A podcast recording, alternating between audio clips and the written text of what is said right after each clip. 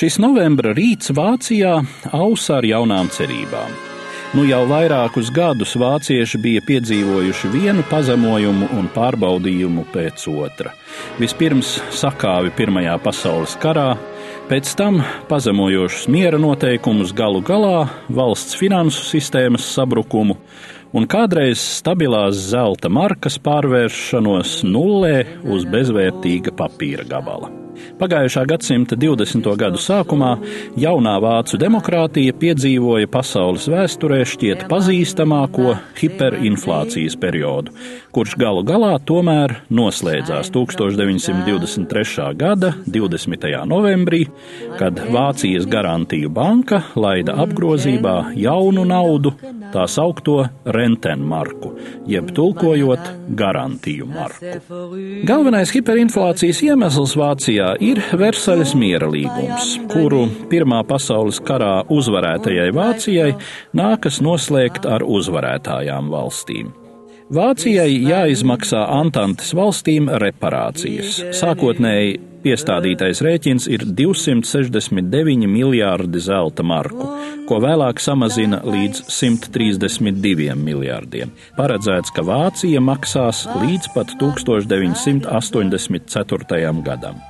Vācieši piekrīt, paredzot, ka, lai iegūtu izmaksām nepieciešamo zeltu un ārzemju valūtu, Vācija strauji samazinās iekšējo patēriņu un kāpinās eksportu, kas galu galā izrādīsies reparāciju saņēmējiem neizdevīgāk nekā atlaist vāciešiem šo soda naudu.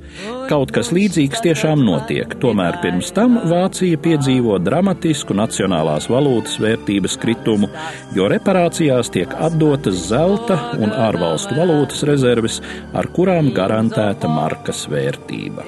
Līdz 1922. gada vidum marka lēnām slīd lejup, sasniedzot kursu 320 markas par amerikāņu dolāru. Versaļas līguma slēgšanas brīdī šis kurs bija apmēram 8,5 markas par dolāru. Taču tad izpaužas vēstis, ka vairāku amerikāņu finansistu organizētās konferences par Vācijas reparāciju maksājumu pārskatīšanu beigušās bez panākumiem, un sākas strauji kritums līdz decembrim novembrim sasniedzot rādītāju 8000 marku par dolāru. Cenu kāpums pašā Vācijā šī pusgada laikā sasniedz 16 reizes. 1923. gada janvārī Franču un Beļģu armijas okupē Rūras rūpniecības rajonu, lai nodrošinātu, ka Vācija reparāciju maksājumus veids nevis bezvērtīgajās papīra markās, bet precēs, pirmām kārtām akmeņogļu piegādēs. Tas ir smags trieciens vācu ekonomikai un sākas īsta hiperinflācijas lavīna. 1923. gada otrajā pusē apgrozībā jau ir naudas zīmes ar 14 nulēm, 100 triljonu marku nominālu vērtībā. Ap šo laiku cenas dubultojas ik pa pāris dienām, un daži vācieši atklāja, ka nav vērts mēģināt mainīt vērtību zaudējušo papīrmarku pakas pret malku, prātīgāk tās pat taisno lādēt taupības krāsniņās. Tomēr Vācijai izdodas atmosties no šī finansu murga. Valsts izveido garantiju banku, kurā iegulda tai piederošos nekustamos īpašumus 3,2 miljārdu pirmskara marku vērtībā.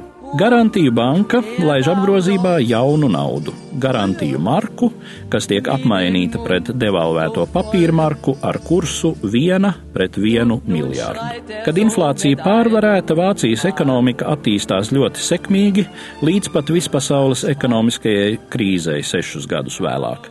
Tomēr tieši inflācijas periods iesakņo vāciešos dažus priekšstatus, kurus vēlāk pedalizē Hitlers un viņa kompānija, veidojot sev nepieciešamo vācu tautas ienaidnieku tēlu.